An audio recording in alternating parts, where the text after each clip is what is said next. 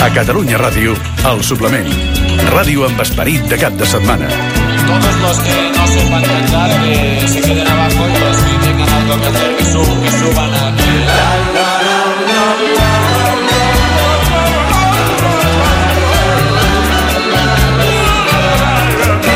El suplement. Dissabtes i diumenges de 6 a 2. Amb Roger Escapa. Passen 6 minuts de les 11 del matí, som al suplement, som a Catalunya Ràdio. Hem sentit una veu ara d'un separador musical amb una cançó de Manel que deia El suplement, dissabtes i diumenges de 6 a 2. Tinc dues persones assegudes en aquest estudi.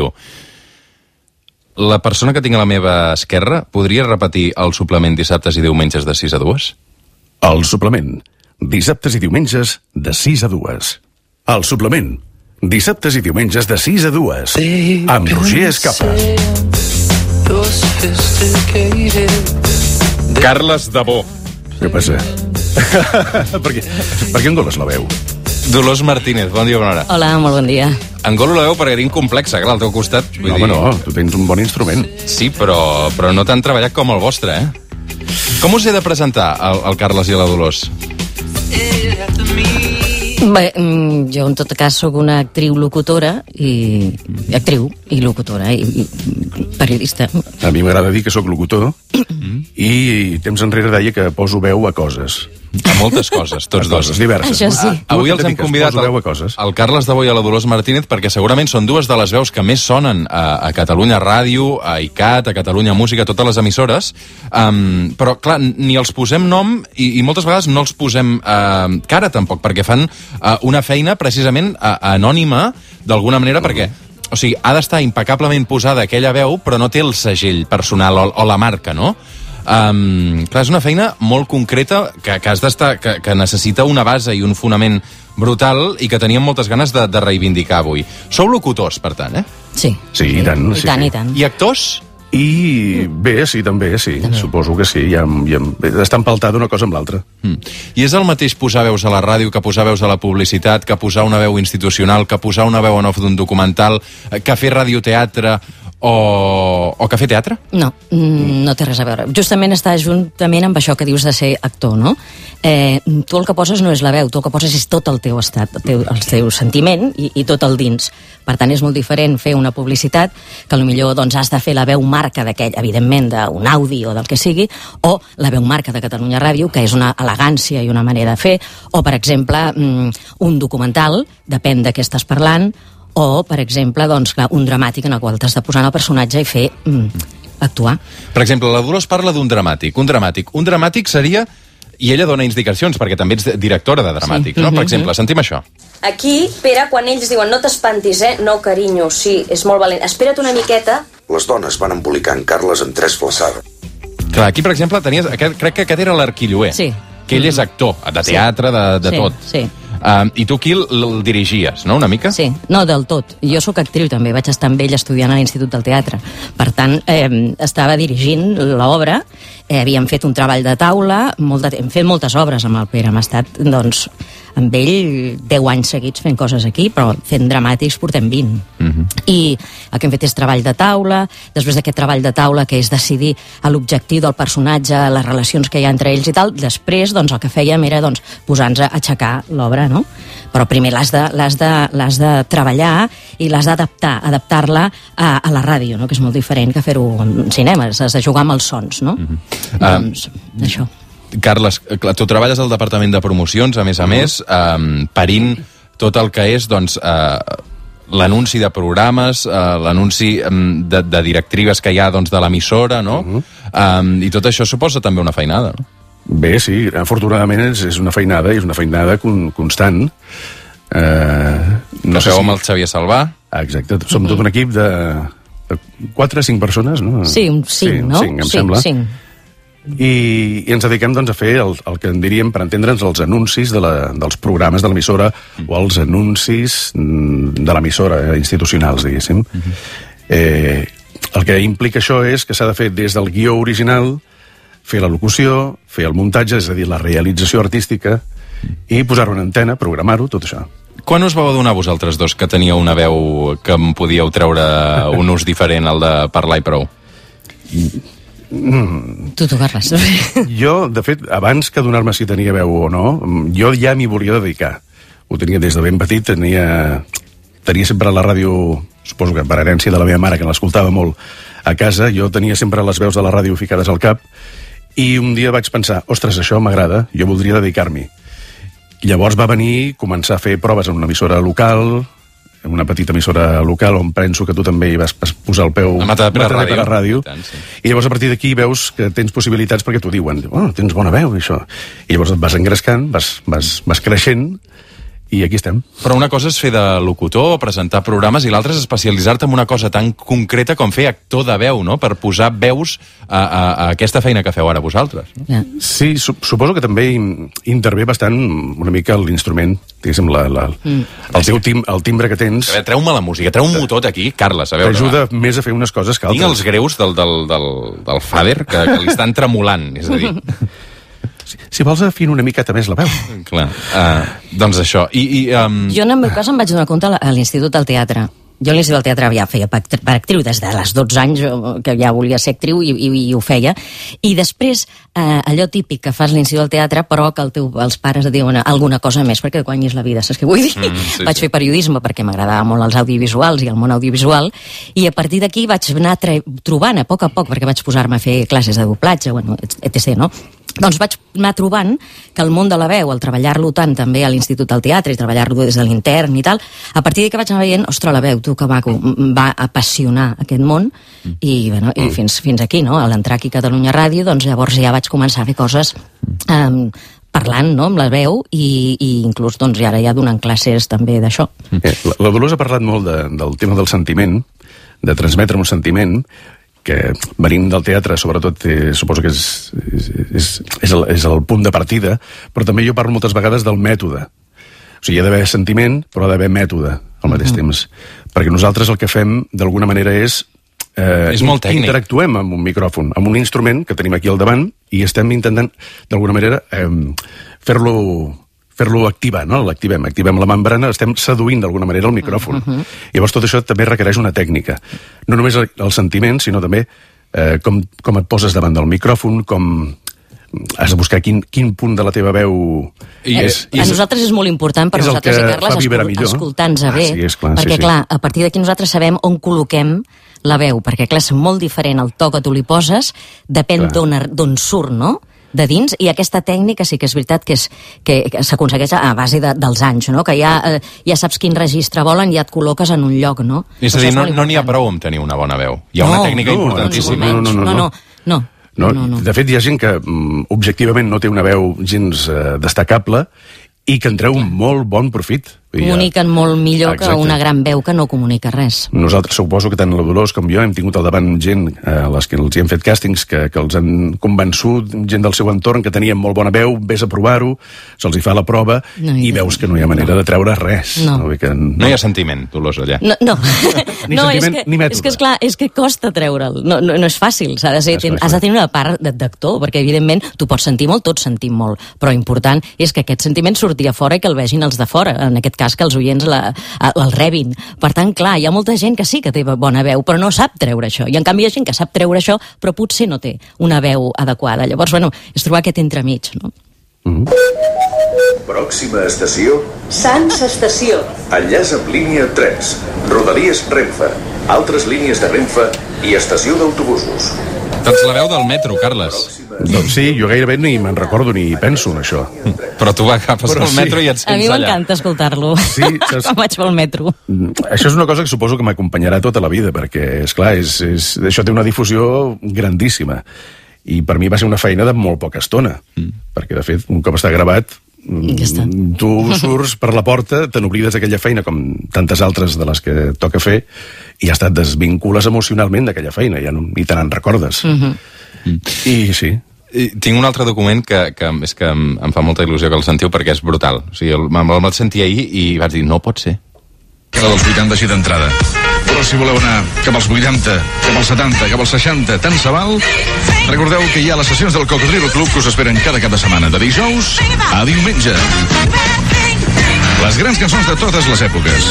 Els clàssics de tota la vida, les cançons que us han donat energia en qualsevol moment de la vostra existència, es reuneixen de nou a les sessions del Cocodrilo Club Disco Revival. Sessions musicals dirigides per l'Albert Malla, que a més a més aposten per la música en directe. Divendres, dissabte i diumenge, música en viu.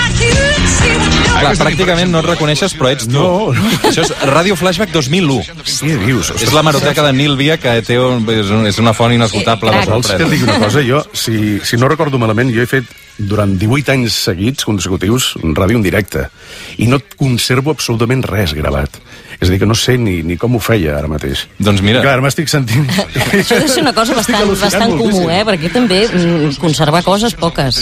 Però, clar, això... Eh, o sigui, qui feia Ràdio Fórmula, Carles, i és un estil que és molt Miquel Calçada, no, també, o no? No, és al revés. Ah.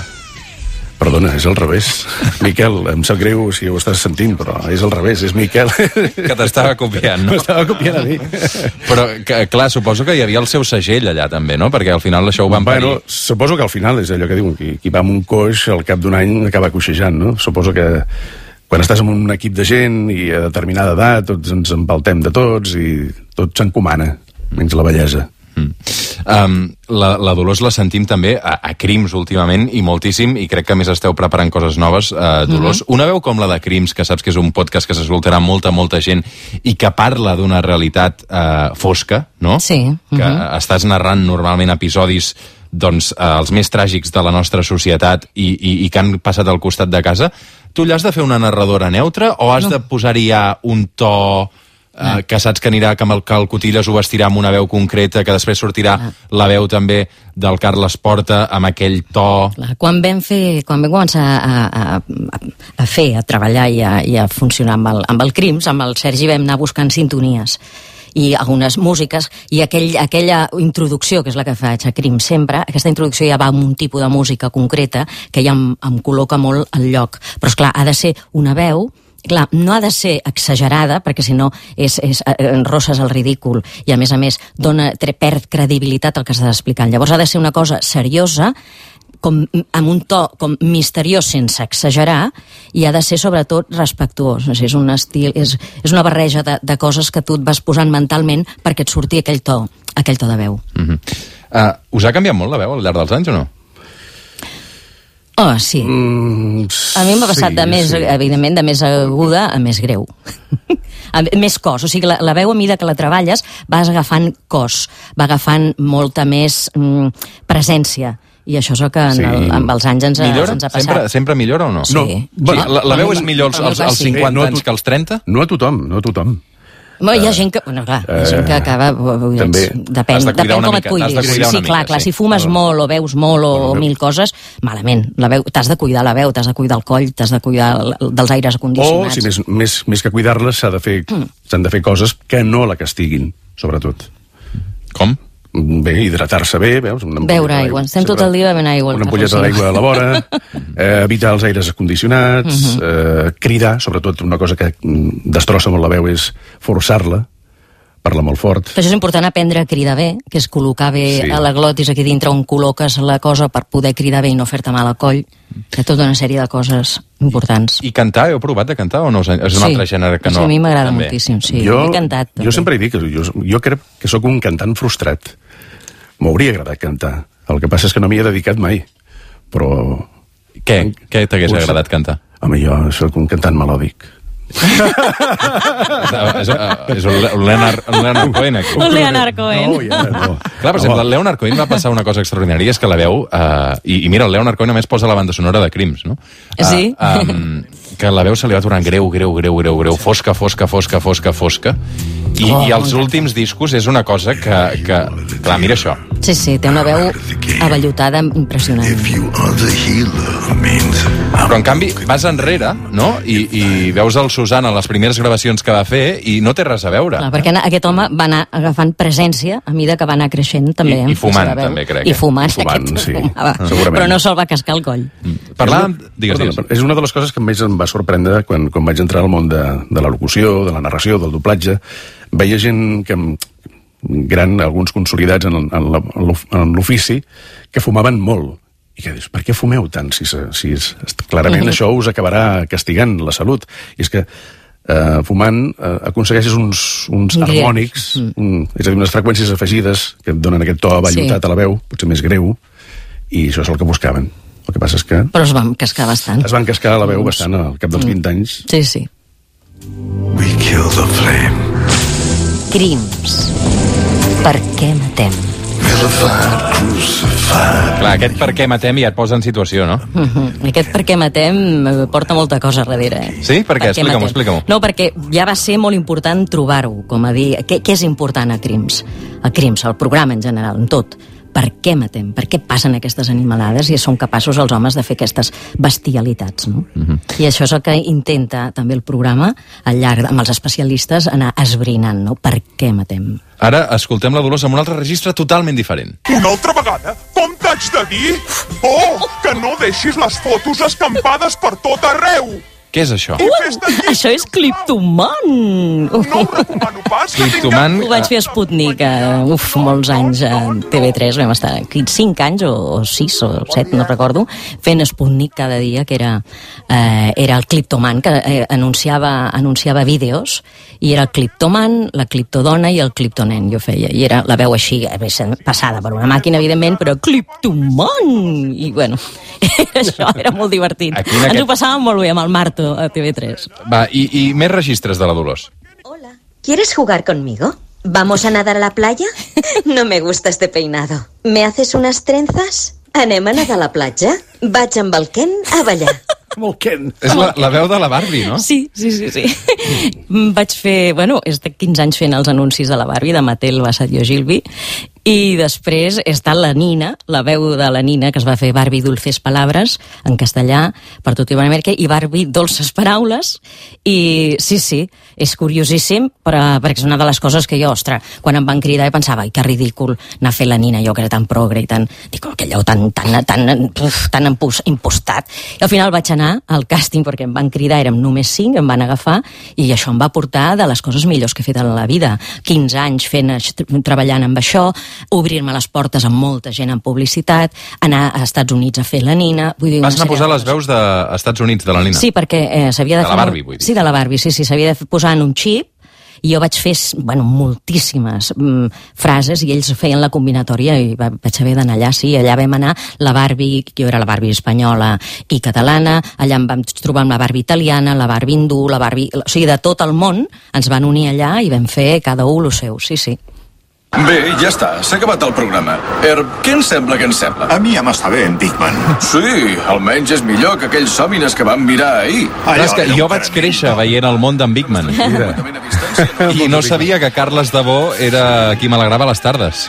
No, qui telegrava les tardes suposo que era en Big Man, l'Eduard Tu, Farelo. tu no feies de Big... Eh, clar, era el No, Farelo. Tu feies d'un dels ajudants, no? Sí, de fet, eh, eh, en el món del doblatge jo no, no, diguéssim, no és el meu terreny natural. El que sé que quan fas coses de veus, al final, doncs, mm, t'acaben sorgint oportunitats.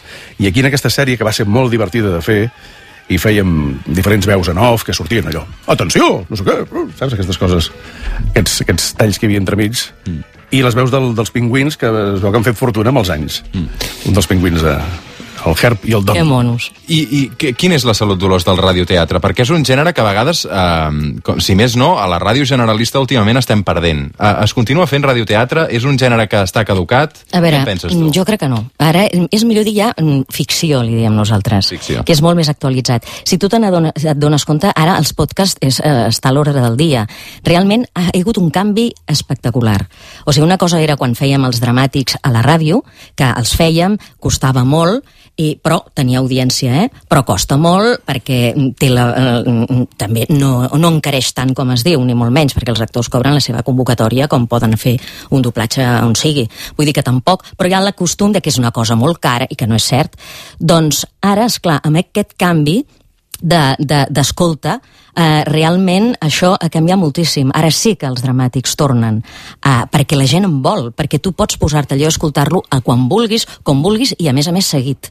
Que això és molt important. El que, el que abans era un, un pal, era haver d'esperar a l'altre diumenge per tornar a escoltar l'altre capítol, per haver... Ara és tot això ha canviat. Realment ara és ressorgeix de nou els, la ficció Eh? Mhm. és el radioteatre o ficció, li diem, perquè és realment eh, és més eh, actualitzat. Els dramàtics en ràdio són el que jo em penso que és, és essencialment radiofònic. És un producte essencialment radiofònic. O sigui, que la- l'essència de la ràdio eh, en estat pur, no? Mm. El Puyol sempre parlava del to, no? Puja el to. Puja el to. El, el to vosaltres per què és? Per què és el Clar, el, el to suposo que vol dir, en aquest cas, eh, en una transmissió no, esportiva, és eh, parlar així, d'aquesta manera, una miqueta amb to elevat i seguidet, i això és elevar el to, no? M'imagino, no? Mm-hmm. Per, Jo ara us posaré uh, una veu, d'acord? Una veu nova que estem... Vale. És a dir, el suplement, uh, sabeu que sempre ens agrada provar coses noves. Uh, I fa uns dies, ara ho- vull dir, això és nou, eh? Això, això, és- vosaltres ho sabeu, però és nou. Fa uns dies vam fer venir a gravar um, una veu coneguda. Unes veus de cara a la temporada que ve, perquè estem provant coses noves. perdona, la veu és coneguda o la persona és coneguda? les dues coses, diria jo. Mhm. És a dir, no direm de qui es tracta, arroba el suplement a Twitter, arroba el suplement a Twitter, um, i tenim unes bambes Múnich en joc per uh, l'oient que arroba el suplement a través de Twitter, és l'únic canal a través del qual es pot respondre aquest concurs, endevini de qui és aquesta veu que sentirem a continuació. No és Maica Navarro, però el que diu aquesta veu és el nom de Maica Navarro de quatre maneres diferents, d'acord? Molt bé. D'acord. Sentim, jutgem i sobretot escoltem. Arroba el suplement unes bambes Múnich en joc pel més ràpid. Som-hi. Maica Navarro. Maica Navarro. Maica Navarro. Mm. Maica Navarro. A mi m'ha agradat molt. Sí, Sí, m'agrada. t'agraden aquestes coses. Ara Ens- podem comentar. Ara, ara comentarem, ara comentarem. Arroba el suplement. És la veu d'un actor Veig- conegut. Eh? Veig que canviarà molt l'aspecte del programa la temporada que ve. No. no, però era, era una broma que li vam fer a la Maica Navarro, que evidentment li vam enviar aquesta veu i, i aquests dies que està de vacances, eh, crec que ahir a la tarda va marxar, li va agafar un infart una mica més de sentir això. eh, qui és? L'heu reconegut vosaltres o no? Jo crec que sí. Tu creus? Jo Sí, crec que sí. jo també. Sí, sí. Perquè Doncs mira, una de les coses d'aquesta feina és que també desenvolupes un, un talent per, per identificar les veus. Mira, aquí han dit uh, Carles Porta, no. Arquilloé, tampoc. Mhm. Ah, no.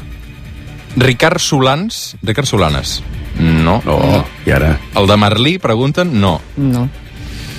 Pere Arquilloé, no. Mira, doncs l'Alba Izgo, hi ha més noms, eh? L'Orella, pregunten, Albert Cortacans, Jordi Rico, no. Però l'Alba Izgo diu David Verdaguer. I és el David Verdaguer, el nostre David ah. Verdaguer, que ara mateix està fent tabús, però és un actor de teatre i de tot. Uh, li van fer gravar aquestes veus, que podreu sentir molt aviat.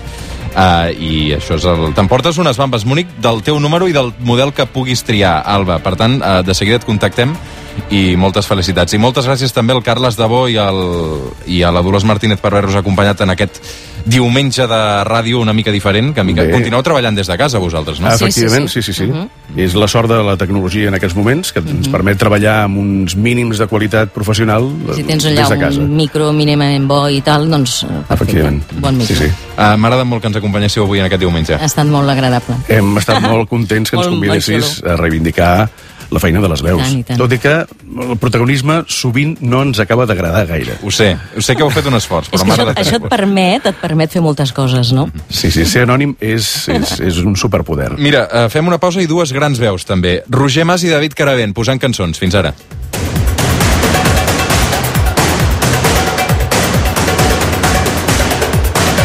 El suplement. Dissabtes i diumenges de 6 a 2. Amb Roger Escapa.